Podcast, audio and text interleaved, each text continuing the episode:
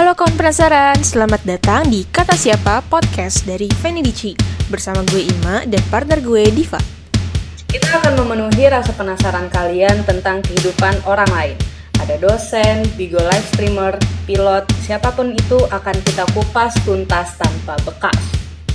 Buat kalian yang sedang atau pernah duduk di bangku kuliah, pernah nggak sih kalian kepo? Nilai gue ini dapat dari mana ya? Atau itu dosen kenapa galak banget sih? Di episode Kata Siapa Podcast kali ini, kita akan tanya langsung sama sumbernya.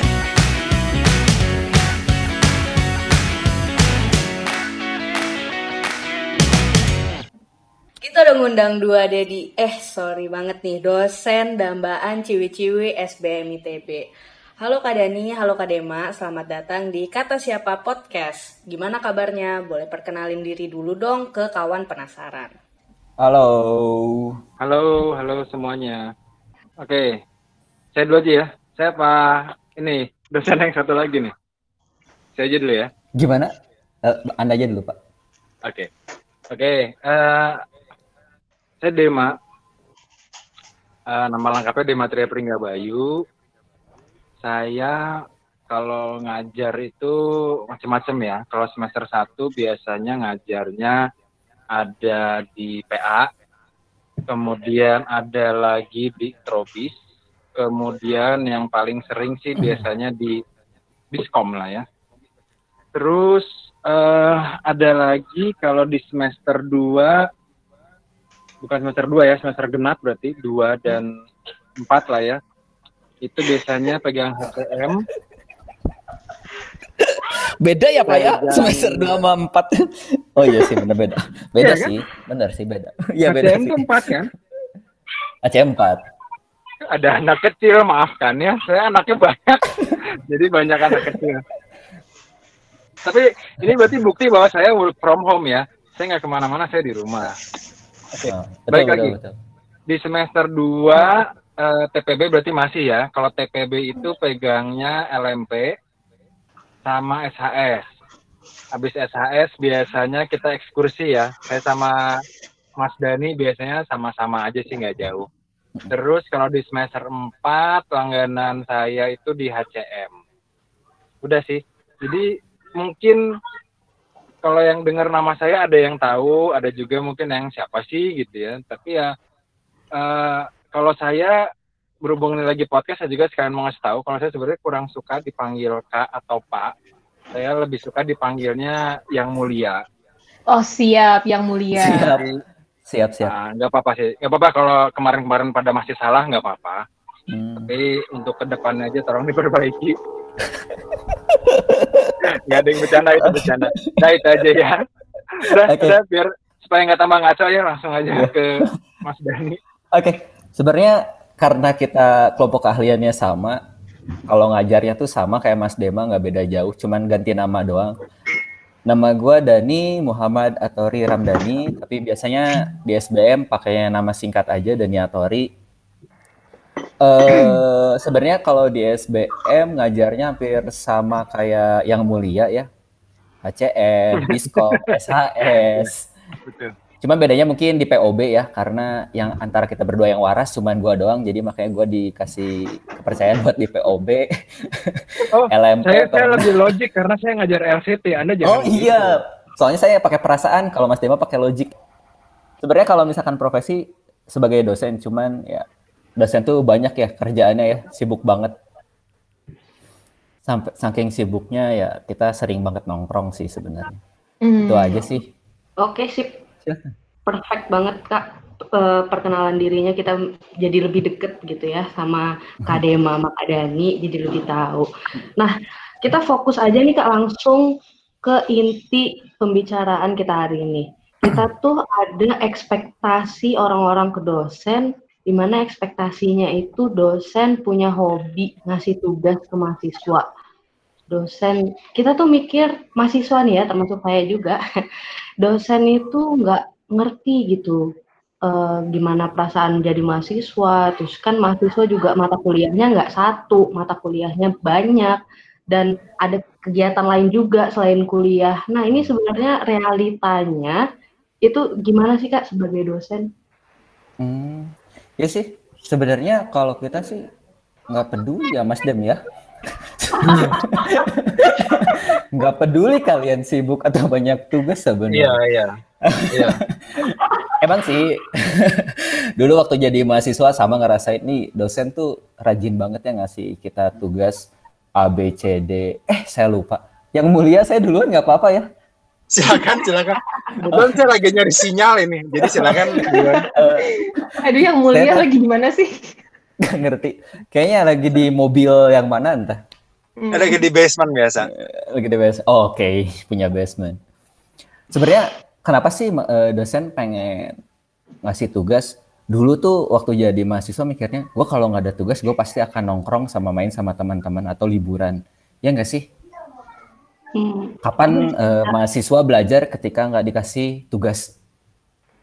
Nggak ada kak, jujur aja. Oh, nggak ada jujur. Ya, gue juga ngerasa waktu dulu jadi mahasiswa tuh kayak gitu. Gue kalau nggak dikasih tugas, gue nggak akan belajar. Jadi supaya kalian bisa menjadi lebih baik dari kita, makanya kita rajin banget ngasih tugas.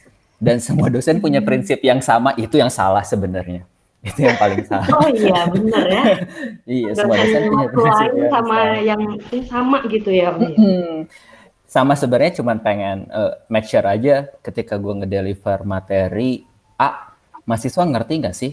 Kalau misalkan nggak eh, ada yang masih salah, oh berarti masih nggak ngerti. Nanti dia ini yang salah siapa nih? Oh apakah dosen, apakah gue ngedelivernya ada yang salah? Karena gue ngomong yang nggak jelas kah? Atau gue kecepatan kah? Ataukah gue nggak bisa kontrol kelas? Itu sih sebenarnya make sure dari tugas itu. Sama make- supaya pengen kalian bisa lebih better dari kita aja. Kayak gitu. Nggak tahu nih kalau yang Wow. mulia mungkin punya pandangan yang berbeda ya. Kalau tugas sih kayaknya udah yang pertama ini saya agak serius aja ya karena kan ini pembicaraan juga serius. Eh tugas itu sebenarnya paling penting utamanya itu buat teman-teman supaya nggak lupa gitu loh ya. Kita kasih tugas supaya ingat apa yang udah dikasih di kelas. Itu yang tujuan utamanya. Kenapa harus banyak? Ya karena kan kuliahnya juga banyak kuliahnya itu ada 14 kali pertemuan dalam satu semester.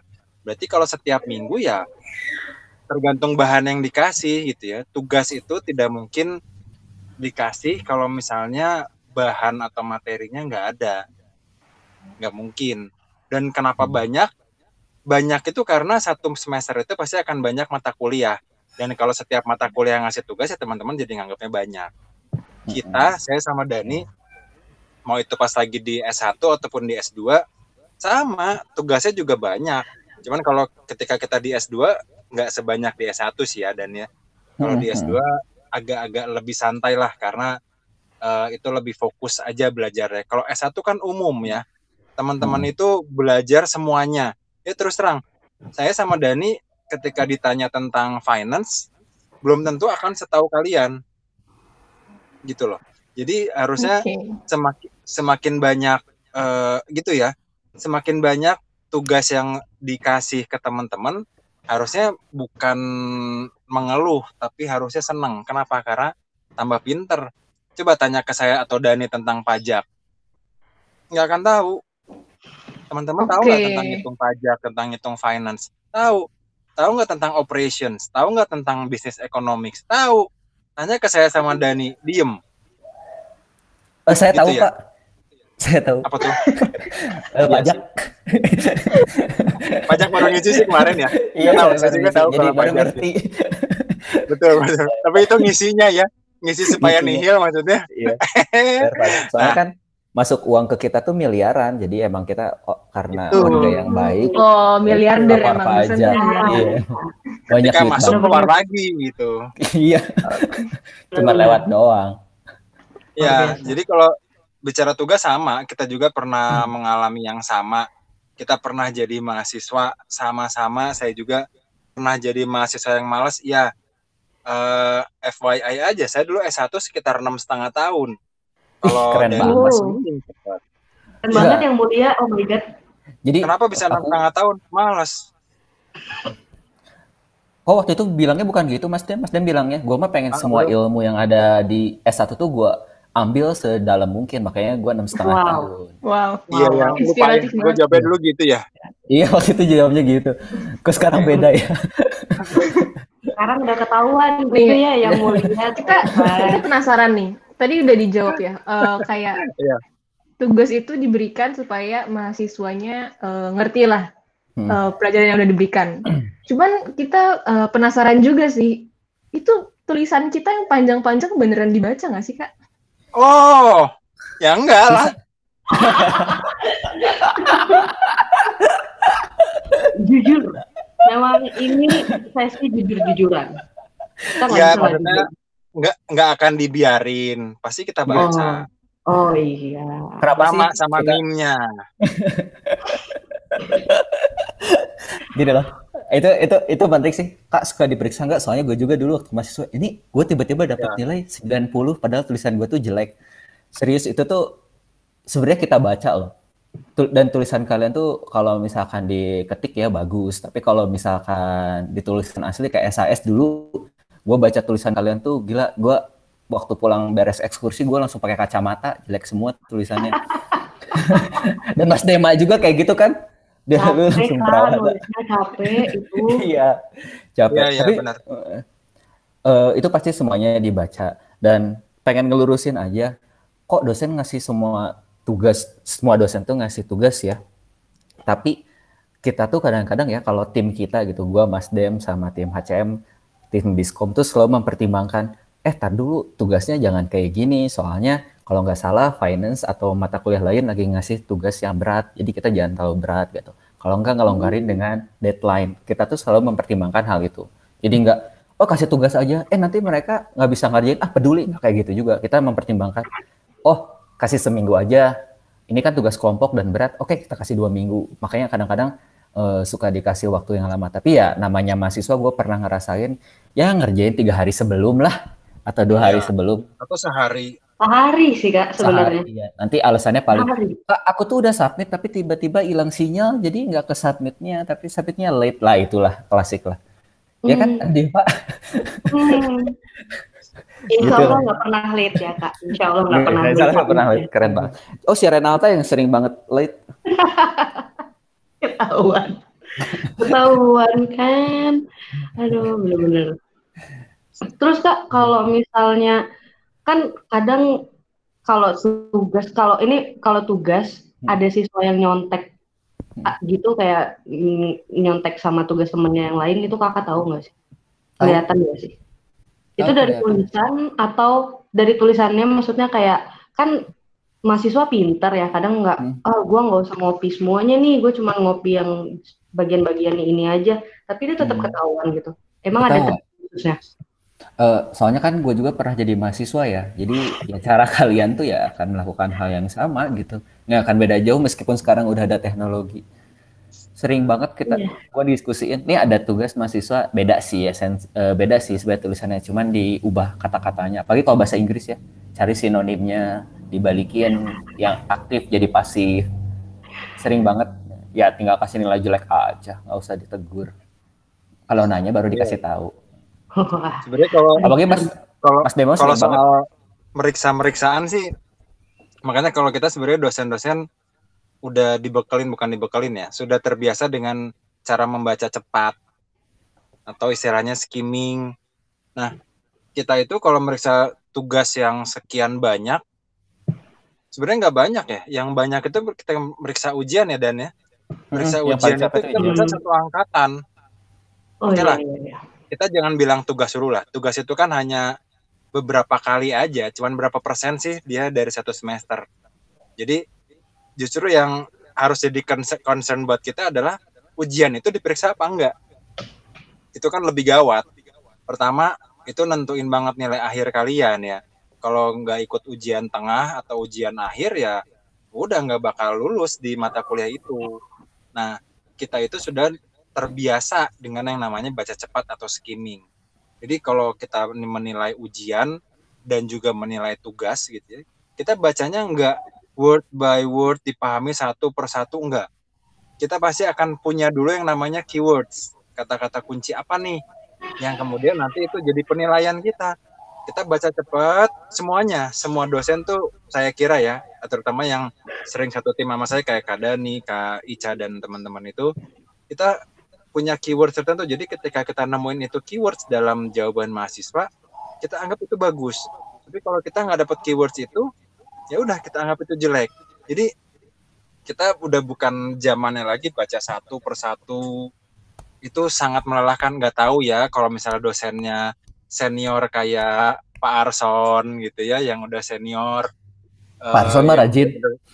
dibaca satu-satu Hmm. nggak tahu tapi kalau kita sih kita pasti eh, akan skimming baca cepat dan cari intinya tapi diperiksa nggak ya pasti diperiksa kalau enggak ya kita bisa nilainya dari mana gitu kan itu sih Wah, oke berarti harus hati-hati nih saya ya pas UTS dan UAS harus tahu itu keyword-keyword apa yang dicari Ya, ya. iya. Udah, udah tahu nih, udah tahu nih.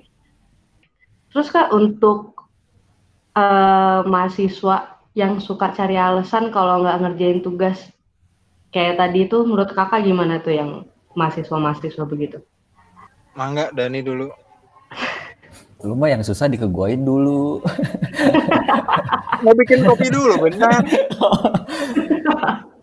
Kalau ada mahasiswa yang susah yang bikin alasan mulu, sebenarnya karena pengalaman sih, karena pengalaman, pengalaman jadi mahasiswa, pengalaman jadi dosen. Ketika mahasiswa bohong tuh kelihatan, ketika mahasiswa mau nyontek tuh kelihatan. Eh, semuanya tuh kelihatan banget jelas. Makanya saya tuh paling seneng kalau udah ya di antara tim saya paling yang suka iseng kan. Eh, cek absen audio kayaknya ini ada yang pada babal deh kena dua orang tiga orang itu biasanya idenya gua ntar ketika udah rusuh nih oh ini eh, anaknya si A anaknya si B ya. Gua lepas tangan ya itu kan anak kalian sok urusin gitu. Kayak gitu. Yang penting iseng aja dulu Yang ya, penting iseng aja. dulu. iseng aja dulu. Sebenarnya gue lebih seneng yang nakal gitu. Kalau yang nakal tuh ya udah kalau misalkan kalian nggak masuk ya nggak masuk aja nggak masalah gitu. Ya, nggak usah bikin yang hal-hal yang nggak etis gitu. Terus gimana nanggepinnya kayak gitu? Ya itu yang kalian lakuin ya ambil aja resikonya ya nikmatin aja kalau misalkan lu harus ngulang lu lesson learn buat dia gitu toh nanti ke depannya tuh akan terjadi hal yang sama ketika lu ngelanggar eh, hal-hal kayak palsuin tanda tangan, terus datang tapi nggak ya yang kayak gitulah itu akan ada konsekuensinya. Gua mah kan cuman nge-downgrade nilai. Gimana kalau di downgrade gaji? Di downgrade jabatan? Ayo loh. Kan itu yang lebih lebih ngeri ya di real life-nya. Gitu sih. Pak, kopi dua, Pak. Yang satu jangan terlalu banyak. Yang Bentar, mulia, gue pesenin dulu ya yang mulia Jadi apa apa ya? yang mulia? Yang mulia gimana kalau yang mulia? gimana kalau ada mahasiswa yang ngeles Heeh, kalau Iya, ada yang ngeles. gitu. ya kayaknya mau sampai kapan juga yang namanya mahasiswa pasti akan ada yang ngeles ya. Kalau saya sih orangnya apa ya easy going lah. Easy goingnya dalam arti ya udah lo mau ngeles apa aja nggak akan gue dengerin istilahnya gitu ya. Pokoknya kalau tugas lo telat ya udah lo masuknya telat yang lu nggak gue absen. Lu tugasnya nggak nggak nggak- submit tepat waktu ya lu nggak dinilai. Udah that's it cukup jadi eh, nggak mau diambil pusing lah kalau saya sih ya saya tipikal orangnya nggak mau ambil pusing lah kecuali kalau dia nanya solusinya apa nih nah baru gua kasih solusinya. Tapi kalau misalnya dia cuman ngasih excuse "Eh, saya gini gini gini pak. Saya gini gini kak. Saya gini gini nih yang yang mulia. Eh bodoh amat. Saya nggak mau dengar excuse kalian. Yang saya mau dengar ketika teman-teman nanya jadi solusinya apa ya? Oke gue akan carikan solusi kalau misalnya alasan lu tuh masuk akal. Gue tuh orangnya kan solutif. Wih, Eh, yang mulia so- memang panutan sekali. solution oriented. Jadi kalau ada something masalah, ya udah kita cari solusinya. Gue nggak mau dengar alasannya, gue nggak mau tahu. Gitu loh ya. Jadi karena sama lah zaman kuliah dulu juga. Enggak sih, kalau saya zaman kuliah dulu nggak pernah beralasannya. Misalnya saya nggak mau masuk, ya saya nggak mau masuk. Saya nggak mau ngerjain tugas, ya saya nggak ngerjain tugas. Mata lulus nalila, kan gitu. Gak, gak tau ya kalau gue tuh dulu waktu jadi mahasiswa takut banget sama yang namanya dosen gitu. Jadi ketika gue udah ngelakuin kesalahan gitu, Memang. telat ngirim tugas, Ya. ya udah gitu Iya, iya betul, betul banget. Tuh ah, ya udahlah gue pasrah aja deh dapat nilai C deh ya udah terima aja ngulang tahun depan yang ngulang lumayan ketemu sama adik kelas kan ya kapan lagi Betul, gitu betul. kali aja Modus. ada jodoh Modus. Iya, tapi bet- tapi Iya. betul banget loh yang Dani bilang. Itu zaman Dani itu Dani itu kan sekitar lima tahun di bawah saya lah. Nah, kalau saya di zaman saya dulu lebih takut lagi dan gitu, lebih iya sama iya dosen lebih teh mau ngontek aja tuh nggak bisa kayak sekarang. Sekarang ngajakin podcast gitu ya. Dulu asli, iya asli asli. Tapi nggak apa-apa karena Iya. kita sama-sama Iya. muda. iya Dulu walaupun dia kayaknya sama-sama muda, cuman beda 15 tahunan gitu, tetap aja mau Iya. ngobrol aja takut, mau ngontek telepon takut, mau SMS aja takut dan sebagainya, apalagi ngeles. Kan gitu dulu kalau Iya. zaman kita. Iya. Bener. sampai ke toilet aja gue mikir gue tahan pipis aja gitu ya kalau Iya. dosennya lagi killer serius gua, gua nggak tahu deh kenapa dulu seperti itu ya. Iya. Zaman mungkin memang berkembang ya Dan ya. iya Zaman berkembang, teman-teman juga ya nggak tahu lah ya kenapa bisa berubah nggak kayak dulu. Jadi makanya saya bilang kalau sekarang mah saya ada yang mau ngeles apa aja ya bodoh tuing lah ya, saya bodoh Hmm. amat gitu. Yang Hmm. penting solusinya apa buat itu dia mau cari ya udah ayo betul gitu. Tapi lebih senang yang sekarang sih kalau gue sebenarnya. Kebayang nggak sih lu punya ada jarak antara lu sama dosen ketika lu takut lu dan nggak ngerti materi, lu takut banget buat nanya gitu. Dan itu tuh gue ngerasain hal itu. Itu gue ngerasain hal itu gue, duh gue nggak ngerti tapi gue nanya. Jadi sering banget Ya, Ya. ya. Kalau kalau guru sama dosen dulu tuh eh, ada yang mau ditanyakan nggak? Terus ngacung kan? "Eh, Pak, saya mau nanya ini. Kamu tuh nggak dengerin ya saya ngomong apa tadi ngejelasin ini? Pak Iya, kan iya, tadi iya, iya. eh, nanya ya. Nah kalau sekarang tuh gue makanya sok ada yang mau ditanyain nggak? Kak, saya nggak ngerti lagi yang itu. Ya oke, gue jelasin lagi karena gue sadar bahwa gue juga dulu nggak nggak advance banget di kelas gitu. Oh, yang setiap hari ngacung kayak si Renalta nanya terus gitu. Anta- antara kritis sama nggak ketiduran di kelas. Nah, gue.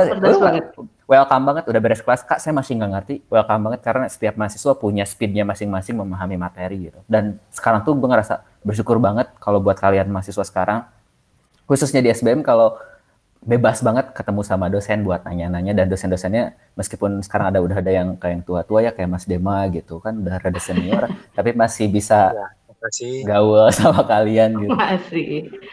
Iya kan Emang yang mulia, Iya. yang mulia. Iya, mulai beda Tapi memang bener loh. Jadi buat buat nambahin ya.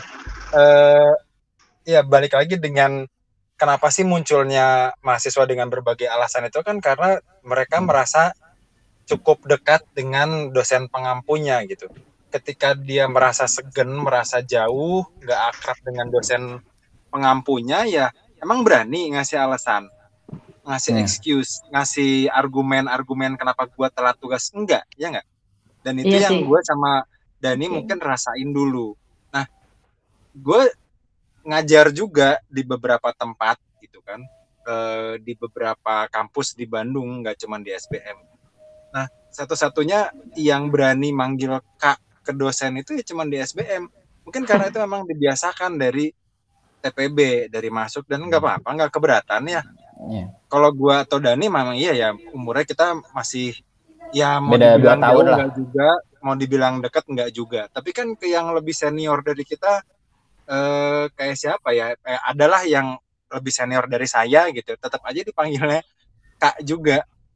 Mbak kan Isti itu nggak nggak ada yang ah nggak ada yang mermasalahin eh Kak Pipit kan dia di atas saya tapi dipanggilnya kakak nggak ada yang mermasalahin itu nah itu kan yang membuktikan bahwa di SBM itu kita ada kedekatan antara dosen dengan mahasiswa. Jadi ya itulah yang menyebabkan mahasiswa jadi ngeles.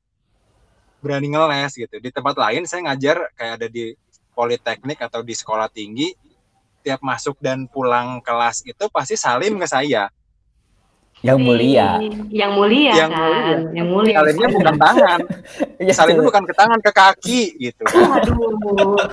Enggak enggak salim tangan gitu maksudnya Iya, iya. ya memang punya adatnya seperti itu nah kalau yang kayak Iya. gitu mereka nggak berani ngeles ya maksudnya saya saya eh, mengungkapkan pengalaman aja di Iya. beberapa tempat yang eh, punya kebiasaan ke dosen itu salim ketika pulang dan pergi, saya tidak Hmm. pernah mengalami ada yang ngeles, aduh tugasnya terlambat karena ini ini Pak.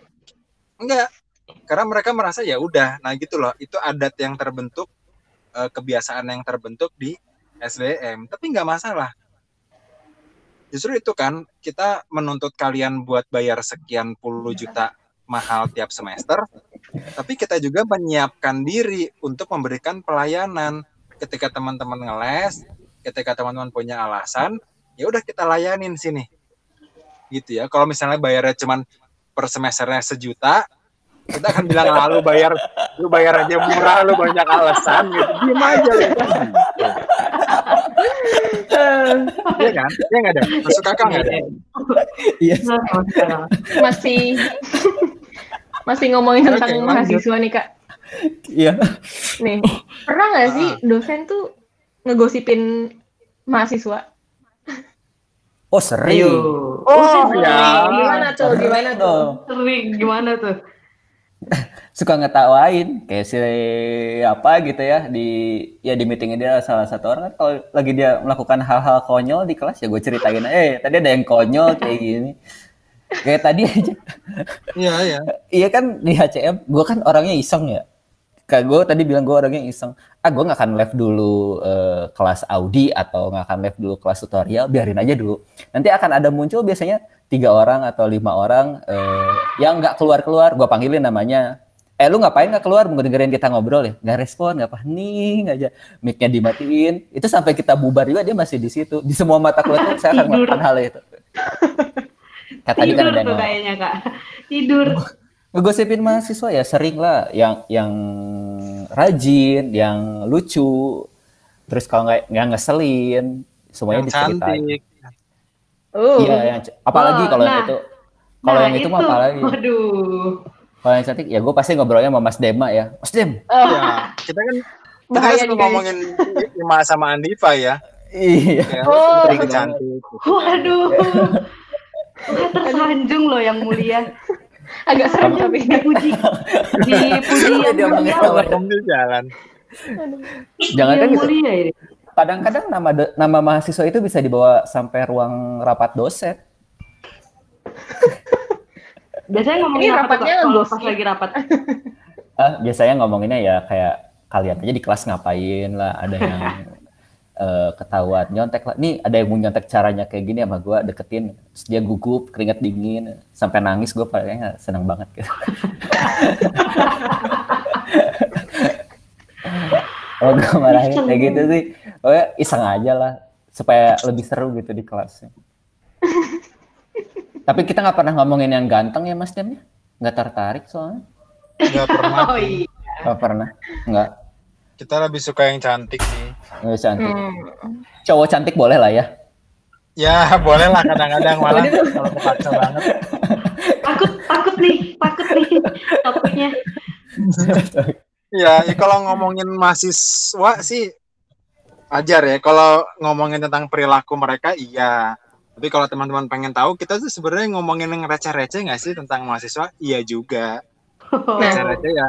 Ya kalau tapi Coba ceritain yang dong, Kak. seumuran, ya, yang seumuran aja kayak saya sama Dani. Itu terus terang aja kalau misalnya ya kayak Lati Ima gitu, eh, dan si Ima tuh cantik-cantik kayak gitu-gitu ya. Iya.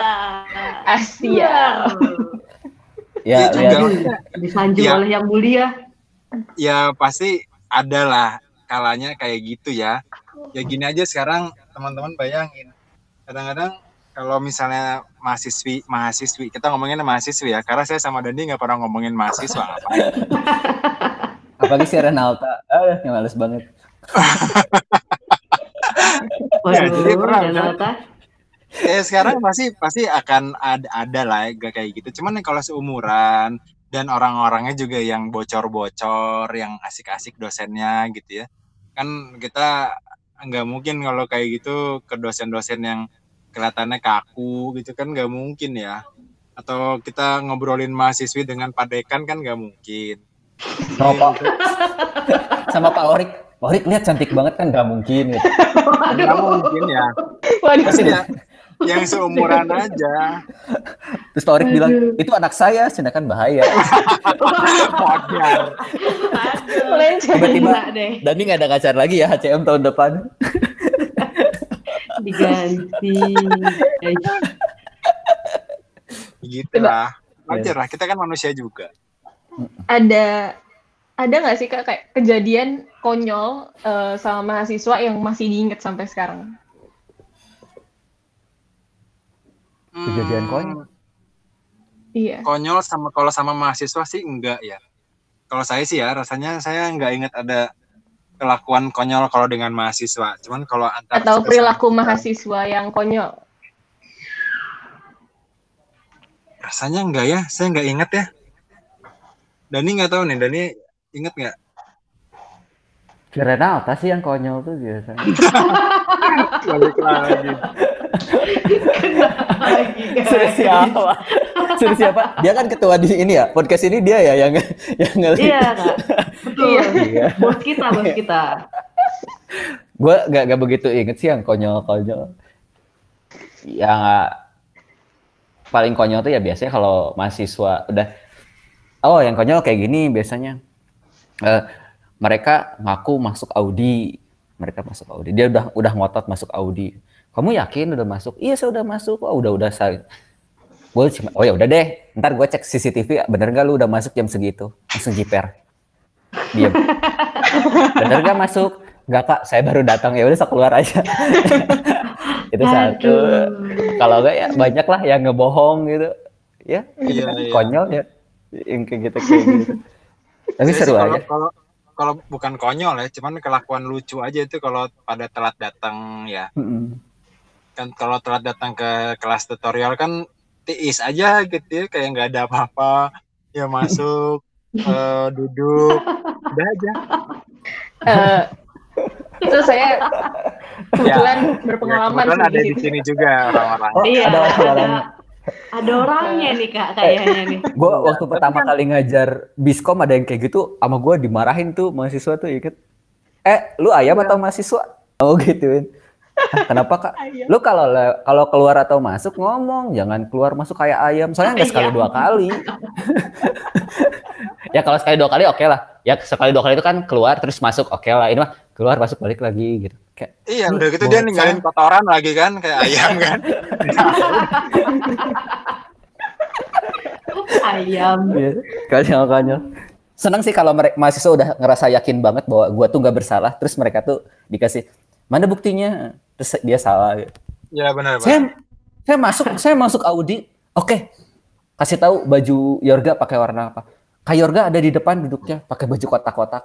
Yorga itu ada di Jakarta, coy. Ngapain dia ada di sini? Terus dia, "Eh, oke. Ketahuan.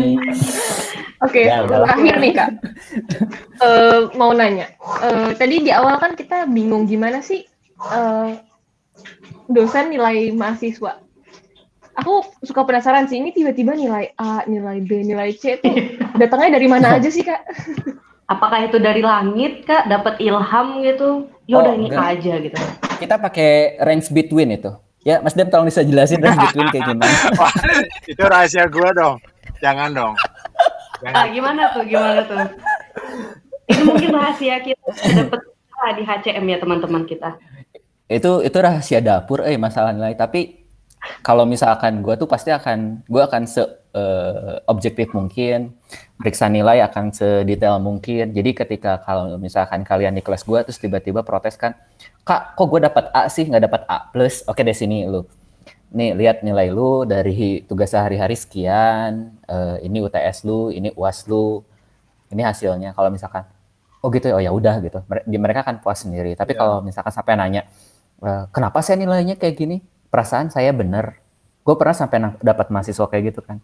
Oh ngerasa bener ya? Ya udah sini sok. Kita diskusiin. Apa yang merasa kamu bener sama salah? Takutnya emang salah pemahaman kan dikonfirmasi akhirnya dia nerima. Kayak gitu aja. Jadi kalau misalkan nilai yang dapat A itu sebenarnya benar-benar dapat A gitu. Kalau misalkan ada kok dia bodoh tapi dapat A? gitu. Nah itu adalah yang suka kalian nggak sadar ada beberapa orang yang menurut kalian bodoh gitu. Tapi ketika nilai UTS dan UASnya bagus mau kayak gimana gitu? Gue juga kadang-kadang nggak rela ngasih A gitu. Jer gua ngasih A gitu. Di kelas cuman diem aja. Tapi ketika dikasih tugas dikasih soal dia paham Bagus gitu kan gitu ya? iya bagus. Oh, kan kesel ya jadinya. Tapi ada juga yang rajin ser- aktif di kelas. Tapi ketika UTS nilainya pas-pasan atau emang karena lagi UTS lagi sakit atau apa terus uasnya juga jatuh terus tiba-tiba nilainya jadi B.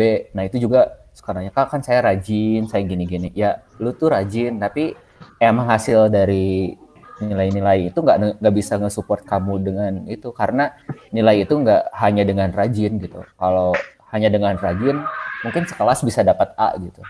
Tinggal duduk rajin gitu. Jadi kalau nilai itu nilai itu sebenarnya paling gede biasanya kan ya selain HCM ya mata kuliah lain itu kan pasti ada UTS dan UAS. Kalau di HCM kita sekarang big report. Makanya mahasiswa itu harus pay attention dengan awal perkuliahan di mana dikasih persentase jumlah penilaian. Jadi ketika kita lagi perkenalan, ngasih ngasih tahu apa aja sih learning goals, learning objektifnya, kemudian eh, persentase pembagian nilai gimana. Nah, itu tuh tolong diperhatikan supaya nanti teman-teman tahu oke berarti gue harus fokus itu ketika UTS, ketika UAS dan ketika big report misalnya untuk HCM ini. Nah, banyak yang Strategi saya juga. Apa? Strategi saya itu. Iya. Betul. Ketahuan. Emang, emang gitu. Jadi nggak nggak nggak habis eh, power kamu kamu itu dengan mengerjakan tugas dan sebagainya. Enggak, kalau misalnya pengen fokus di ujian ya powernya dikerahkan ketika ujian. Banyak yang nanya kenapa sih kok kok saya eh, nilainya B gitu kan? Emang saya pasti nanya, emang kamu wajarnya merasanya nilainya apa?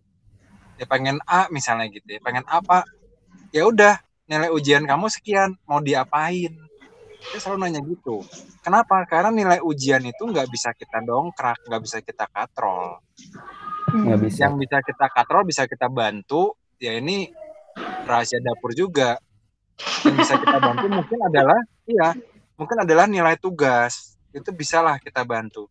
Kenapa bisa kita bantu? Apa faktor yang bisa eh, bikin kita ngebantu? Mahasiswanya. Apa mahasiswanya? Behaviornya, keaktifannya. Jadi jangan anggap remeh ketika kita bilang keaktifan dinilai sekian persen. Jangan dianggap angin lalu. Karena ketika kita bilang keaktifan, kita bilang behavior, kita bilang sikap di kelas, itu bisa jadi penentu nilai AB kalian jadi A. Atau nilai B kalian jadi AB. Jangan anggap remeh. ya Gitu loh. benar Siap. Ini nanti Soalnya ada pesan-pesan buat mahasiswa nggak? ada ada ada ada ada Ada ya? Sesi pesan-pesan buat mahasiswa ada ya? Be- belum belum belum ini ini masih topik satu pak masih panjang ya Oh, masih Kok topik satu. kok gue jadi kayak yang ini siapa sih? Bosnya siapa sih? Dani. Podcast Kadema kayaknya ini guys. jadi benar benar kata Mas Dema kadang-kadang eh, eh, kalian suka unaware gitu sama tugas eh tugas kerjain aja lah. Karena eh, per- persenannya kecil. Tapi kadang-kadang sering banget yang kebantu dari B jadi AB AB jadi A itu dari tugas dan behavior kalian. Sejujur kalau misalkan saya pribadi eh, nilai apakah objektif? Sangat objektif. Tapi akan ada subjektifnya akan ada eh, subjektif dalam hal apa? Misalnya eh Andiva misalkan waktu itu biskom di gua. Lu dapat apa? Tidak. Lu dapat Apaan? apa Andiva biskom Biskom. Apa ya? AB kayaknya, AB, AB kalau nggak nah salah. jadi kan Nah. Andiva itu misalkan harusnya B terus gua gua tuh lihat tapi si Andiva tuh ketika di kelas ketika diskusi dia aktif terus ini beda beda 0,0 komanya sedikit Eh, misalkan ya dari B ke AB tuh bedanya 0, sekian sekian itu tuh bisa gua bisa gua gua bisa ngedebatin dosen lain tapi ini kalau misalkan dia AB saya ngerasa dia nggak layak karena toh di dalam diskusi pun secara behavior di kelas dia santun dia on time nggak pernah itu nggak pernah ya udah gua gua gua pengen dia dapat AB karena itu akan dirapatin dengan dosen-dosen lain nanti biasanya kita sebagai dosen kelas punya hak untuk mengubah nilai itu Tapi sayangnya di prodi itu suka punya hak kalau absennya kurang dari 80% diturunin Ah, lagi. iya, Jadi iya. percuma. Ya. Jadi si Andiva tuh harusnya kan A ya, diskom. Ya emang Allah. absennya nggak komplit jadi AB. Mungkin nggak tahu gue nggak inget. Ah, Itu sih. santun ya, Pernah masuk deh ya. masuk, Dia masuk sih Oke. tapi kelas orang lain Mas Dem. Jadi salah. masuk, masuk. gitu. Oke. Iya, gitu jadi bukan dari langit, ada Iya. pertimbangan. Ada pertimbangan. Dari langit. Dari langit itu cuma rezeki dari Allah. Didengar Tapi guys, lebih ada kalau kalian pertimbangannya. Iya. Kalau lebih bagus adalah ngerefleksiin diri dulu aja. Gue worth nggak sih dapat AB? Gue Wih. worth nggak sih dapat A? Soalnya eh, kalau gue tuh dulu gue pernah ngulang tiga mata kuliah dan gue ngerasa eh gue nggak gua nggak nggak nggak jago di bidang itu ya udah gitu. Dulu waktu S1 tuh gue Ulang ngulang ngulang mata kuliah karena gue kan dulunya bahasa Inggris ya. Jadi ada mata kuliah puisi. Lu bayangin puisi dalam bahasa Inggris, dalam bahasa Indonesia aja gue kagak ngerti gitu. Poetry itu gue ngulang coy. Gue ngulang Iya. dan ya udah. Gue gua nerima ya udahlah. Gue dapat B ya udah gue dapat A ya udah gitu. Setuju. Jadi makanya waktu dulu juga gue sampai enam setengah tahun tuh bukan karena malas sebenarnya alasan utamanya. Oke. Oh, Revisi Ada dia? pembelaan. Ada pembelaan Ketika-. Ketika walaupun mendapatkan A, gue tuh ngerasa nggak puas. Kenapa? Kok Oh. ilmu gue kayaknya kurang. Aduh, terus diulang gitu ya kak? Diulang. Oke. Jadi. Betul banget. bisa turun nilainya. Mungkin dulu lebih ajaib dari sekarang ya. Ya, Jadi bisa turun. nggak nggak nggak masalah, nggak masalah. Iya. Karena buat Tadi- saya nilai itu kan dulu itu hanya sekedar angka. Yang penting saya paham. Iya. Nah, jadi balik ya, lagi kayak kayak kata Dani tadi eh, bercermin dulu kira-kira lu pantas nggak HCM dapat A tapi ketika nanti ditanya tentang job evaluation di kemudian hari terus pada lupa berarti lu nggak pantas buat dapat A Iya. Hmm. kan gitu ya Kayak gitu. Setiap orang Tahu expert di bidangnya masing-masing nggak usah nggak usah Nah. takut kalau kata gue. Alhamdulillah. Kayak gitu. Oke. Terus jangan tapi- ACM gak wajib amat dapet A lah ya. Ya nggak kita nggak usah lah. Kalau lu mau jadi orang operation atau orang finance nggak apa usah. Dapat Ya, AB ya, lah ya. cukup B. Tapi gue pengen kadang-kadang suka kesel juga ya. Ada beberapa mahasiswa yang dia tuh udah dapat A. Gue nggak tahu ya apakah dia dapat titipan dari teman-temannya supaya tahu batas minimum dapat A berapa. Eh, udah dapat nilai A tapi masih nanya rincian nilai. Kayak berasa, kak kok gue dapat A sih? Kenapa gue nggak dapat A plus gitu? Pengen ngejitak gitu. Bener-bener ada juga A- kayak gitu. ada itu itu masih ada kalau yang dapat dapat B oke lah gua gua bisa eh, apa namanya gua terima gitu tapi kalau ada yang dapat A terus masih nanya rincian nilai duh pengen gua kamu ngulang aja ya gitu Aduh, sedep. Waduh, Debar, langsung debar. hindari gitu ya. iya jangan kalau udah udah dapat A mah diem aja. Ketawain aja teman-teman yang dapat B. Oke, siap. Ya. BTW nih Kak, tadi Kak Dani sempat bilang nih, eh, dosen tuh sibuk nggak sih Kak? Uh, Nah, kita tuh pengen kebanyakan nongkrong gimana? Dosen- ya, maksudnya saking sibuk, saking sibuknya jadi seneng nongkrong ya nggak sih? iya kita senang nongkrong banget. Nah, teman-teman mahasiswa tuh suka ngomong gini kayak eh sebenarnya dosen tuh gajinya tuh gede nggak sih? Karena bisa ngerjain yang lain, bisa punya usaha di luar dari dosen. Itu bener nggak sih kak? ya ya kan gue tadi bilang eh, waktu bayar pajak aja kita satu miliar kan bayarnya Oke, sudah. Oh iya. Kan Itu pajaknya ya? SDM, Jangan salah. Dosen SDM. itu itu pajaknya itu pajaknya Mm. pajaknya satu miliar coy gaji kita berapa semua menteri pajak orang lain yang kita hitungin dan oh iya. Lupa lupa. Dosen dosen sibuk nggak? Jujur kalau kalau gue pribadi gila sibuk banget. Karena namanya dosen itu ada yang namanya tridharma. Tridharma itu pengajaran penelitian sama pengabdian sama masyarakat. Dan kita wajib melakukan tiga hal itu. Selain ngajarin selain ngajar di kelas kita juga wajib ada eh, apa tadi gue ngomong apa sih? Penelitian. Penelitian, penelitian. penelitian. Contekannya terbang ya? contekannya dalam Heeh, bener. Penelitian itu kita dalam satu tahun bisa satu eh bisa satu bisa dua sampai tiga penelitian. Dan itu harus beres dalam satu tahun. Dan alhamdulillah setiap tahunnya itu nggak pernah beres. Jadi biasanya kita kaget loh. Kirain alhamdulillah beres gitu. Jadi bisa lebih Iya, nambah lagi penelitian. Dan- ternyata enggak. dan biasanya nunggak nunggak sampai tahun depan. Ya nunggaknya satu riset. Jadi tahun depannya bisa jadi empat atau tiga. Kayak sekarang aja gua gua gua pribadi aja kayaknya riset udah ada lima kayaknya. Itu yang dari Wow. tahun sebelumnya tuh tiga. Dan Emang itu dikumpulinnya ke mana sih kak? gimana sih? Eh, bro kan lu juga punya hutang bro Yeay. buka-bukaan aib bukan-bukan ketahuan tuh Ya, terus yang ketiga kan tadi ngomongin pengabdian masyarakat, kita juga ngelakuin itu. Kayak gue sama Mas Dema aktif misalkan ngasih tentang eh, personal skill di beberapa eh, SMA gitu, Kampus, di beberapa ya. SMA di Bandung. Itu ngasih pelatihannya di guru-guru, guru-guru SMA. Ternyata banyak juga Nggak, kok di nggak dibayar itu ya? Nggak dibayar. itu nggak dibayar kan namanya pengabdian pada masyarakat. iya Ya, abdi. banget Nah itu. Terus berarti dengan kegiatan sebanyak itu bisa santai, yaitu tergantung eh, time manajemennya. Kalau misalkan lu nggak bisa ngebagi waktu, ya lu akan terus-terusan diam di depan laptop gitu. Tapi kalau misalkan lu bisa ngebagi waktu dan bisa disiplin, itu sih intinya disiplin sama diri kamu sendiri. Bisa kok lu nongkrong, main sama teman, main sama keluarga gitu. Tapi kak kalau udah nyampe rumah, Ya. biasanya ngapain? Ya gue nyampe rumah buka laptop lagi, meriksa tugas kalian, ngerjain riset yang tertinggal gitu. Jadi kalau kalau gue pribadi, gue udah ngasih tahu istri gue sama anak gue, meskipun anak gue nggak ngerti gue ngomong apa.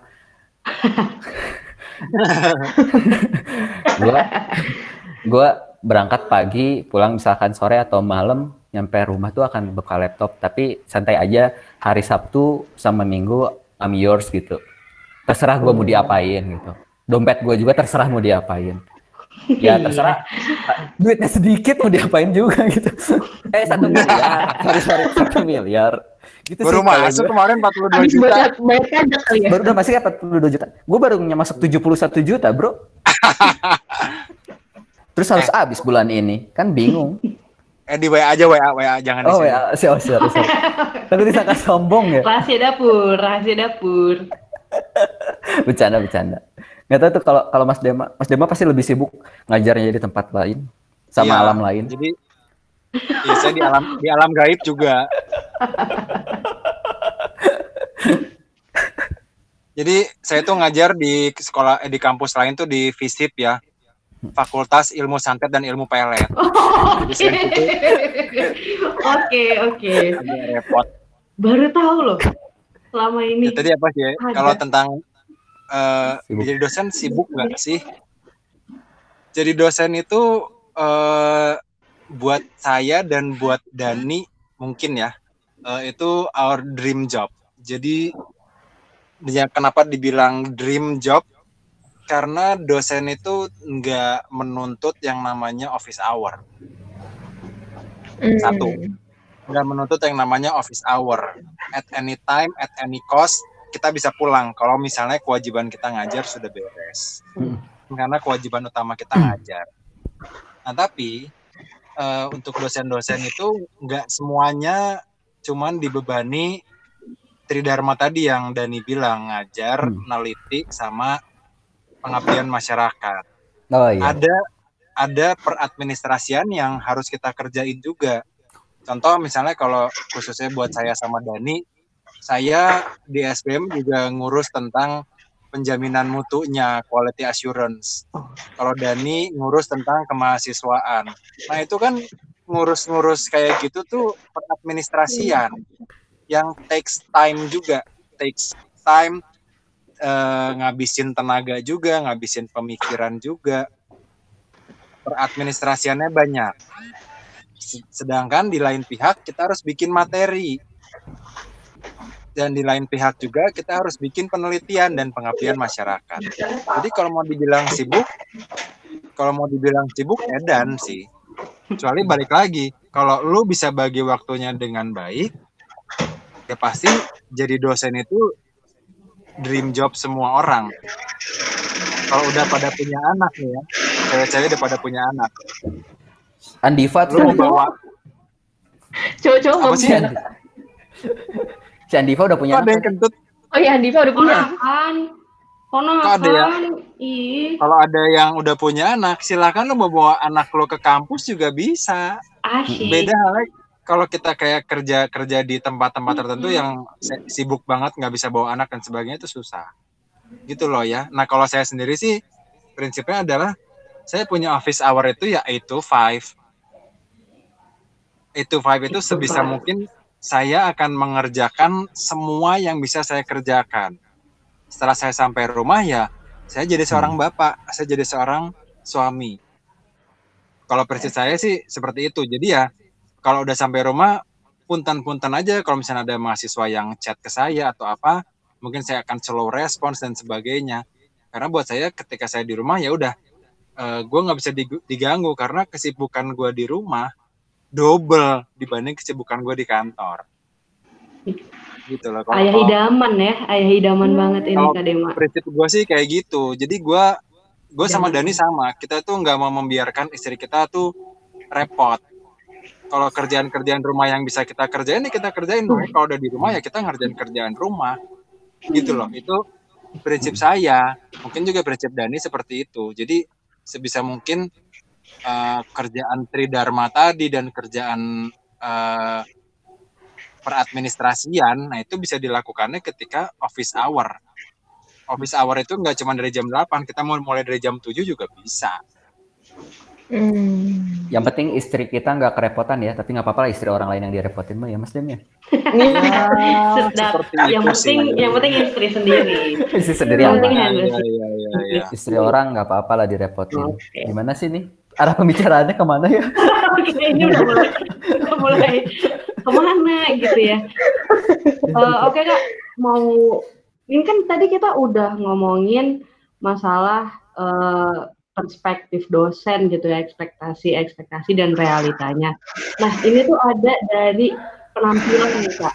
Ekspektasinya kalau dosen itu pasti udah pasti pinter, terus orangnya kaku dan nggak gaul, nggak nggak hot news sekarang itu nggak tahu lah gitu pasti pasti bakal kayak gitu itu realitanya emang gimana sih ini gimana apa sebagai dosen-dosen muda juga Yang mulia, silakan yang mulia. yang mulia Ya, sebagai teman-teman. yang ini Yang banget mulia. Ya teman-teman kayaknya tahu lah ya, kalau saya itu eh, kiblatnya fashion lah. Bukan dosen. Gue pengen ngomong kasar untung disaring ya. Kalau gue ngomong kasar, untung disaring. Kiblat Bisa di- fashion guys Enggak. kiblat fashion Kiblat fashionnya buat eh, outfit dosen gitulah ya. Lo banget coy, lo banget gila. Ya, Oh, OTD lah ya Ah, tiap iya. hari. harus fashionable gitu ya nggak bisa nggak fashionable ya minimal setelan 50-60 juta mah pastilah. waduh Tiap, tiap aja. Gila. Oh iya gue lupa cerita ya. Kalau Mas Dema ini saudaranya si lawyer siapa namanya? Gue lupa. Lawyer yang miliaran itu siapa sih Hotman namanya? Paris Hotman. Hotman Paris. Iya ya. Lu kan Demi saudaranya apa? kan makanya. Iya, makanya harus saudaranya. keren banget yang mulia bener-bener Enggak, enggak, enggak. Iya, kekayaan mengalir di darahnya teman-teman enggak, enggak serius. Jadi ya kalau tentang fashion mah karena kita juga masih pada muda lah. Saya masih 35 lah. Dani juga masih 30. Kayaknya Dua eh, dua puluhan, hey. oh, 20 ya. Dua puluh. Kayak ya 29 ya, 29 jalan. Ya, kayaknya fashion juga harus lah ya. Dalam arti teman-teman lebih kayaknya lebih nyaman kalau misalnya ngelihat dosen yang di depan kelas itu enak dilihat. iya Ya mungkin ya, mungkin ada persepsi kayak gitulah. Kalau emang enak dilihat, eh, tampilannya bagus, nggak usah mahal-mahal lah. Enak dilihat, tampilannya bagus, terus paling nggak nggak bau ya, nggak usah wangi lah, nggak bau. Itu kan Mandi kan, enak mandi ya. Ah, ah, jadi mahasiswa juga jadi kayaknya wah asik nih kayaknya orangnya oke nih. Karena kita first impression ya.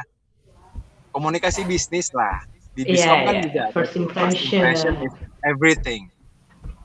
Jadi saya saya Iya. sama Dani nggak mungkin lah first impression ketika kita ngajar ke TPB ya. TPB kan berarti baru lihat kita pertama kali ya. Eh, Ya. Kayaknya first impressionnya juga harus bagus. Kalau setelan-setelan dosen zaman saya atau zaman Dani pasti sama eh, yang eh, pakai celana kain, pakai kemeja Pantofel. yang ah, pakai pantofel, bawa laptop, pakai kacamata dengan kemeja rapi, dimasukin ya mungkin seperti itu. Tapi kalau sekarang kan enggak ya. Pasti banyak yang berubah terutama dosen muda. Eh, itu Tapi kak kalau ada misalnya sorry mak gimana nih jadinya lo aja sok Gua aja deh, gua Oh. aja, gua aja. sebenarnya tuh ada ada nggak sih kak peraturan tersendiri cara berpakaian gitu dari SBM? Nggak ada sih ya, kalau misalkan peraturan sendiri dari SBM baju, masalah baju. Hmm. Eh, selama itu eh, Fashionable. udah ya fashionable nggak bisa disebut itu ya. Semi casual semi formal Kirain- kirain fashionable. Tadi Fashionable kan pakai mulia. kalau fashionable tuh pakai kaos celana pendek juga udah fashionable. Tapi kan kita harus yang Oh, namanya se- ya nggak boleh. nggak boleh. Harus semi formal at least jadi dari atas sampai bawah tetap harus bisa ngecover eh, semi formal itu. Nah kalau misalkan ngomongin tentang kaku atau enggak ya sebenarnya tergantung gue ngerasanya malah tergantung jurusan loh. Kalau gue ngelihatnya ya tergantung jurusan. Oh. Gimana tuh kak? Gimana kar- kar- maksudnya? karena kita orang-orang bisnis mungkin jadi kitanya orangnya santai Oh. orang-orang yang agile. Coba lu datang ke eh, seni rupa, mungkin datang ke yang teknik. Apakah dosen-dosennya sama enggak? Mungkin itu beda. Jadi kalau misalkan dosen itu pasti pinter, aduh dosen pinter gak ya? Pasti pinter lah. Kalau nggak pinter nggak mungkin bisa. Hmm. Selain pinter rajin. Itu kuncinya di dosen tuh rajin. Ka- kaku nggak sih nggak sekarang nggak kaku dan tidak gaul. Malah dosen tuh perlu banget. Dosen tuh perlu perlu perlu banget yang namanya gaul. Soalnya kalau nggak gaul susah untuk bikin kor, apa ya kolaborasi riset. Karena kan dosen tuh nggak tujuannya nggak hanya ngo, bikin bikin apa ya anak muda jadi lebih pintar punya SDA yang SDA. Kok sumber Alam. daya alam ya? Kita bagian dari alam nggak apa-apa nggak apa-apa Alam gaib yang berdua. Enggak, sumber daya aset kan oh iya people itu aset, People. Kapital. Iya, iya. capital. Nah, Oh, yang iya. harus lebih baik gitu. Jadi gua ngomong apa sih? Bisa aja lu ngeles bakiat acit. Ya kayak gitu, yang harus gaul sih tetap tetap harus gaul dosen. Lihat aja Fikri gaul dengan bandnya Mas Dema gaul dengan eh, desainer-desainer yang lain. Wih. Desainer apa? desainer Kan lu Desainer, fashionable ya? tadi. Lu gimana iya, sih? iya. Oh, iya. Desainer. eh kita juga sering ya kalau lihat dosen-dosen senior tuh gaulnya dengan menteri, dengan perusahaan-perusahaan, dengan BUMN. Wajib banget kalau gak gaul, udah aja lu cuman ngajar balik, ngajar balik, nggak bisa update. Bahaya kalau dosen nggak bisa nge-update eh, apa yang ada saat ini. Nggak relevan lah ya. Ini udah udah nggak relevan. Makanya harus selalu update. Kak ngomong-ngomong pinter nih tadi kan katanya dosen ya harus pinter gitu dan rajin. Pernah nggak sih kak kayak waktu di kelas ngerasa ke pressure buat jawab semua pertanyaan mahasiswa gitu? Tergantung siapa yang nanya sih. Wah gimana Jadi- tuh maksudnya kak? Gimana Jadi kalau misalkan mahasiswanya pinter itu yang kadang-kadang deg-degan, soalnya mi- kan mikirnya apa? Iya kadang-kadang, nih bocah mau nanya apa nih? Apakah sesuai topik atau enggak? Karena mereka biasanya akan eh, satu langkah atau dua langkah ke depan gitu pemikirannya tuh. Kenapa jadi challenge? Challenge karena ini kalau gua ngomong, yang lainnya bisa ngikutin atau enggak? Tapi kalau misalkan kalau misalkan tegang nggak ditanya, ya biasa aja sih, tinggal jawab aja karena nggak akan jauh dari tentang materi yang gua udah pahamin gitu.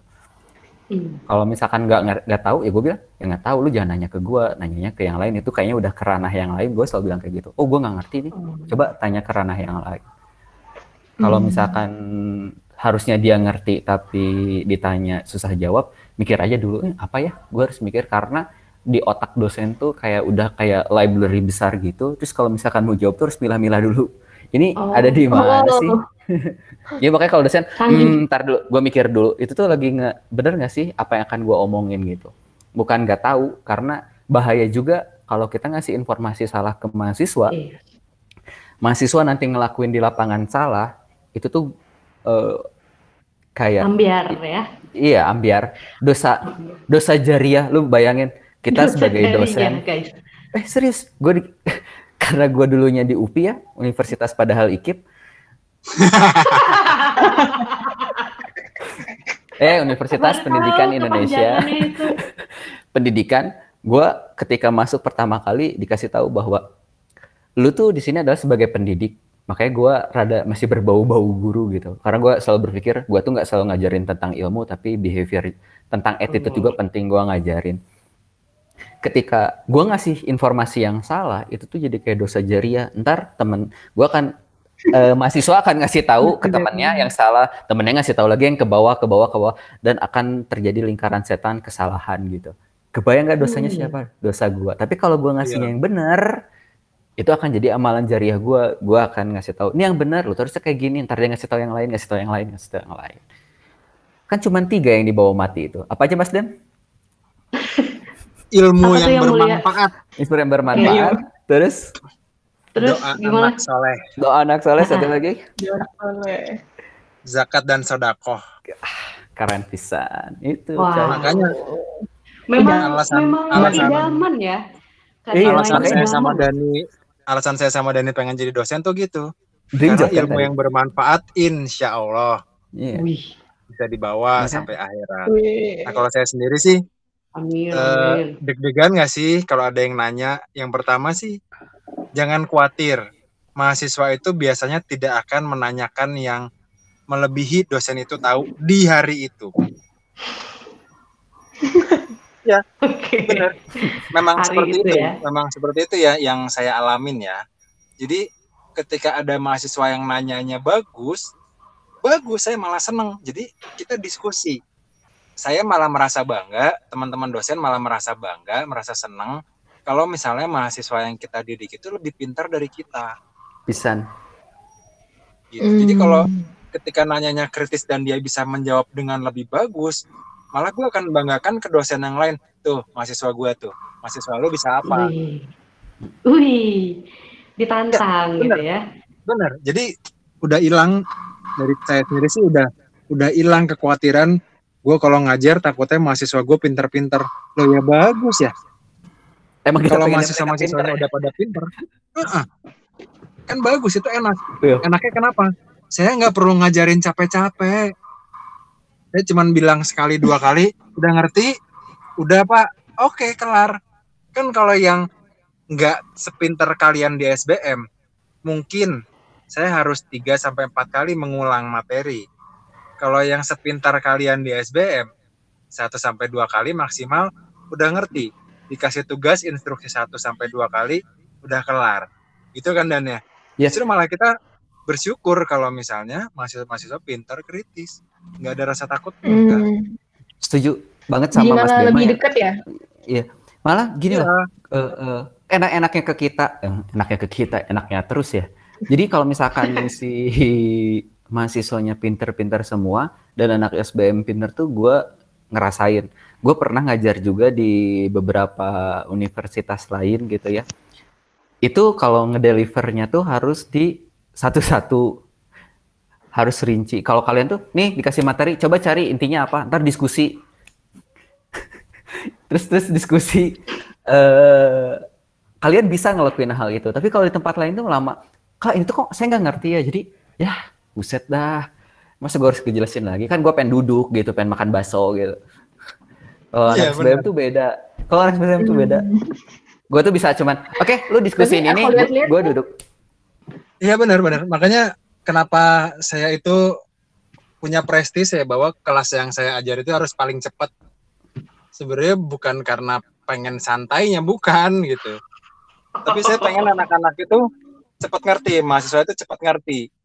Kalau cepat ngerti kan enak kan, yang harusnya tiga jam dalam waktu sejam sejam setengah udah pada ngerti, udah aman ya udah. Saya harus ngomong apa lagi?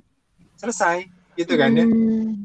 Jadi bukan karena saya yang malas pengen cepet enggak, karena saya punya target teman-teman tuh harus cepat ngerti. Kalau cepat ngerti itu berarti bagus, berarti mereka pintar Oh. punya daya tangkapnya yang tinggi, gitu ya. Dan eh ya balik lagi lah kalau mahasiswa lebih pintar dari kita para pengajar kita juga lebih seneng kok kalau misalnya nggak pintar-pintar kan kita yang nyesal ya kita yang ya Allah berarti cara ngajar gua salah atau gimana gitu Gitu. Mau bilang mahasiswanya yang gitu takut sakit hati ya.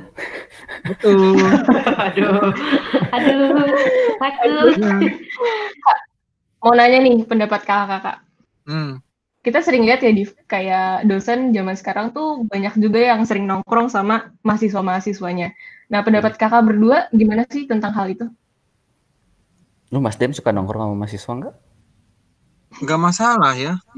Wih, Nong- nongkrongnya di mana dulu? Kalau nongkrong di parkiran sambil ngerokok mah ya nggak masalah. Terus kalau misalnya nongkrong di kafe-kafe sama mahasiswi kalau kita dosen laki-laki gitu ya. Kalau dosen perempuan sama mahasiswa sih biasanya kasusnya dikit ya. Lebih sedikit dibandingkan dosen laki-laki dengan mahasiswi kalau cuma nongkrong Wah, ada kasusnya. enggak maksud enggak. Saya nggak tahu ada kasus apa Hmm. enggak ya. Cuman nggak pernah jadi masalah. Kalau buat saya pribadi ya nggak pernah jadi masalah Hmm. kok. Ketika berada di luar kampus mereka sama-sama statusnya adalah manusia. Udah bukan lagi dosen dan mahasiswa laki-laki dan perempuan. Kalau nongkrong bareng ya it's okay. Apalagi nongkrong bareng di kampus ya itu kan enak ya. Cuman masalahnya dari dulu ketika saya masih kuliah juga kagok ketika ada dosen yang ikut nongkrong. Alah kagoknya gue jadi nggak bisa ngobrol bebas nggak bisa eh, begunjing nggak bisa ngomong yang aneh-aneh tentang dosen itu ya kan jadi nggak enak. Makanya kita juga suka membatasi diri. Ya udah deh kalau misalnya mahasiswa Hmm. lagi pada nongkrong gue nggak akan oh, ikut terlalu lama di tongkrongan itu karena pasti akan gimana pun juga akan bikin kagok. Iya. Gitu loh. Emang- Tapi nggak ada masalah, sama sekali nggak ada masalah. Ngerisihin ya mungkin kitanya. Tapi Iya. kalau Hmm. sebenarnya balik lagi sama statement yang tadi sebelumnya, dosen boleh bergaul nggak sih? Ya boleh banget. Mau sama siapa pun. Toh kayak ntar ke depannya lima tahun ke depan gue nggak tahu Andiva sama Fatima tuh siapa. Kali aja lu sebagai manajer di BI atau manajer di Tokopedia kan gue nggak tahu. Kalau gue nggak bisa hangout sama kak, hangout bisa nongkrong bareng sama kalian, nggak bisa nongki-nongki bareng, itu kan jadinya apa ya? Susah gitu bikin eh, bikin kerjasama atau ada apa. Jadi ah ngapain ah mau kontak-kontak Kadani waktu itu aja diajak betul. nongkrong susah gitu.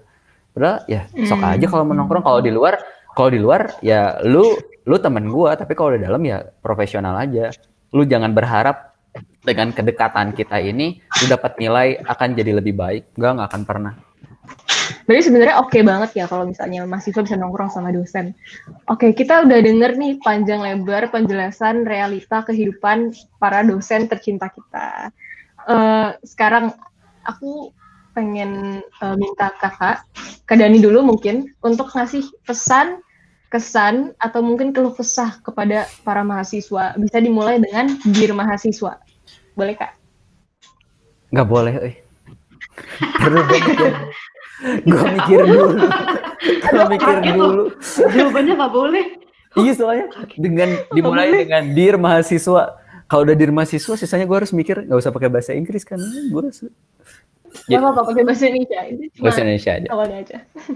Oke, Oke, eh, eh, dear mahasiswa, hmm, kalau gue sih pesannya cuman satu aja. Kalau jadi orang cuman harus bertanggung jawab dan bisa saling menghargai. Baik lu menghargai diri lu sendiri ataupun lu menghargai orang lain. Kenapa gue bilang bertanggung jawab? Ya terserah lu mau jadi anak pinter, mau akan jadi anak himpunan, mau akan jadi anak nakal, anak bolos, anak yang apa pun itu, lu ya bertanggung jawab dengan apa yang kamu lakuin gitu. Atau esensinya nggak pernah ada dosen yang pengen punya mahasiswa nilainya D, E, terus dosennya bangga, nggak akan pernah ada yang kayak gitu. dosen tuh pengen kalau pengen dapat A semua pengen banget. Tapi kalau misalkan pengen A, kalau misalkan A semuanya berarti oh yang gua ajarin terlalu gampang atau ya kualitas dari materinya nggak bisa bikin challenge buat mahasiswa itu gitu.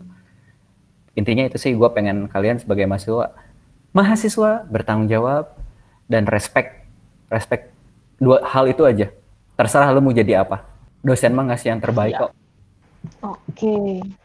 Yang Dimulai mulia? dengan Ntar dulu, gue kasih sound effect dulu. Jeng, jeng, jeng, jeng. Short musical clip or a praise. Oke lah, next. Oke. Dear mahasiswa, terutama mahasiswa SBM. Saya sih eh, yakin bahwa semua mahasiswa itu di SBM terutama ya, semuanya itu pinter. Ilmunya itu bagus. Nah, yang saya selalu ingetin, selalu ingetin, terutama buat yang TPB, bahwa dalam hidup ini yang penting itu dua, adab dan ilmu. Tahu adab? Adab itu semua yang berkaitan sama perilaku, berkaitan dengan sikap, berkaitan dengan perbuatan. Nomor satu atau nomor dua? Nomor satu, adab. Nomor dua baru ilmu. Manusia berilmu tidak punya adab sama aja dengan sampah. Saya selalu bilang seperti itu, terutama buat mahasiswa-mahasiswa TPB. Kenapa TPB? Mereka kan baru masuk ya dari SMA. Mereka kaget dengan culture di SBM, culture kuliah yang segitu santainya. Pakai baju bebas asal bukan celana pendek dan sebagainya. Eh perilakunya bebas, nggak dibatasin kayak waktu SMA. Mereka menggila di situ. Saya selalu ingetin, eh ingat, di sini kita nggak cuma ngasih ilmu, tapi kita ngasih tahu juga tentang adab. Nah, cuman kan yang namanya adab kan nggak bisa selalu terus menerus diikutin, diingetin nggak bisa. Ya, percuma teman-teman punya ilmu tapi nggak punya adab.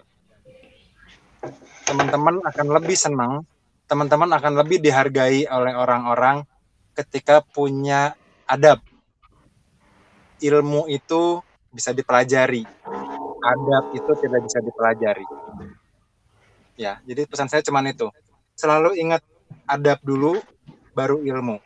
Percuma teman-teman lulus cum laude 4,0 dari SBM, tapi kelakuan brengsek, Wih, nggak akan Wow. dapat kerja lu, nggak akan dapat usaha lu. Oh telat gue, sorry. sedep. Gue sebagai Bener. sound effect telat. Hmm. Bener. Lu dapat nilai Setuju. 4, terus lu kelakuan lu brengsek, lu mau cari investor gimana? Orang akan lihat, ah kelakuannya aja udah brengsek, ngapain gua nginvest ke dia? Lu mau wawancara di eh, multinational company, lu datang dengan gaya adab lu yang brengsek itu, HRD akan bilang, ah gayanya udah begitu, gimana kalau mau kerja? Dilihat nggak nilai 4,0 lu? Nggak. Tapi ketika lu sopan, lu menunjukkan adab yang luar biasa, dan ketika ditanya IPK lu berapa? 2,0 pak. Alah ilmu mah bisa gua ajarin. Gue suka dengan perilaku lu. Yang IPK-nya kecil tuh langsung berteriak-teriak, Alhamdulillah. Eh, ada Alhamdulillah. TK, guys. Langsung ada yang komen, yes, gue masih ada harapan. Karena Gila, IPK menusuk. IPK tidak menunjukkan prestasi ya. Ya. IPK tuh nggak nggak nggak nentuin kesuksesan seriously. Nggak pernah ketika lu wawancara dengan HRD, eh sorry eh, IPK-nya berapa? Nggak akan pernah ada. Betul, persis. Orientasinya sih jangan nilai kalau kata gua. Jangan pernah orientasinya nilai. Karena kalau orientasinya nilai, kalian hanya fokus dengan gimana caranya gue dapat nilai A, bukan gimana caranya gue ngerti tentang materi, bukan gimana gue caranya dapat A. Makanya sering ada yang Biar cheating. jualan bapau. terus- Itu di gua coy, ada yang mau pesan nggak? Ah, iya. Back sound, back sound. tadi pesannya eh, lebih fokus kepada proses dan adab lah ya dibanding dengan hanya Iya. IPK IPK saja. iya, Iya IPK. Oke, makasih banyak Kak Dani sama Yo. Kak Dema. Mata Thank you, kita thank sudah you. cukup terbuka ya, Di. Thank you juga. Ya, gila. Mantep banget ini mah. Konten Mantep banget. Lead. Isinya 100 habis. Eh, Oke. please jangan sampai gitu. dekanat ya. Takutnya kita semester depan nggak akan ada SKJM. Aman. Ya kirim linknya langsung nggak sih kalau kan Enggak deng, enggak deng. Oke, Oke. nggak ada lagi yang Oke, kita jawab. terima kasih banyak kak. Ya, Yo, thank you. dadah. Thank you ya. Thank you, Tunggu Kak. hasilnya nanti ya. Yo. Ya itu guys, tadi kita udah dengar gimana ekspektasi dan realita dosen yang langsung dari dosennya sendiri. Jadi kita bisa lihat kalau misalnya di topik pertama tadi, kalau dosen juga pernah tuh guys jadi mahasiswa dan ngerasain males nugas dan belajar. Tapi harus bertanggung jawab sama tugasnya. Pengalaman menjadi mahasiswa membuat dosen hafal dengan kelakuan mahasiswa. Jadi kalian harus hati-hati nih yang mau nyontek atau mau bandel-bandel di kelas. Untuk topik kedua, kita bisa lihat dosen itu adalah dream job saat kita bisa disiplin akan waktu. Jadi masih penting banget time management, disiplin waktu, biar kalian tuh bisa hidup seperti yang kalian inginkan. Dan untuk topik ketiga, dosen juga harus bisa memastikan untuk memberikan contoh yang baik dan benar lewat jawaban-jawaban mereka di kelas. Jadi eh, ilmunya itu nggak stuck di satu orang doang, tapi untuk eh, orang banyak juga.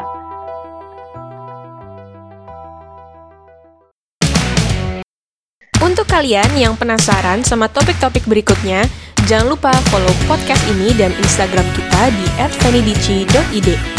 Oh iya, untuk kalian yang pengen ngembangin skill, Fenidici punya online seminar setiap minggu loh, seputar bisnis, self-development, teknologi, dan kreatif. Sekian kata siapa podcast kali ini. Sampai jumpa kawan penasaran. Gue Ima dan Diva undur diri.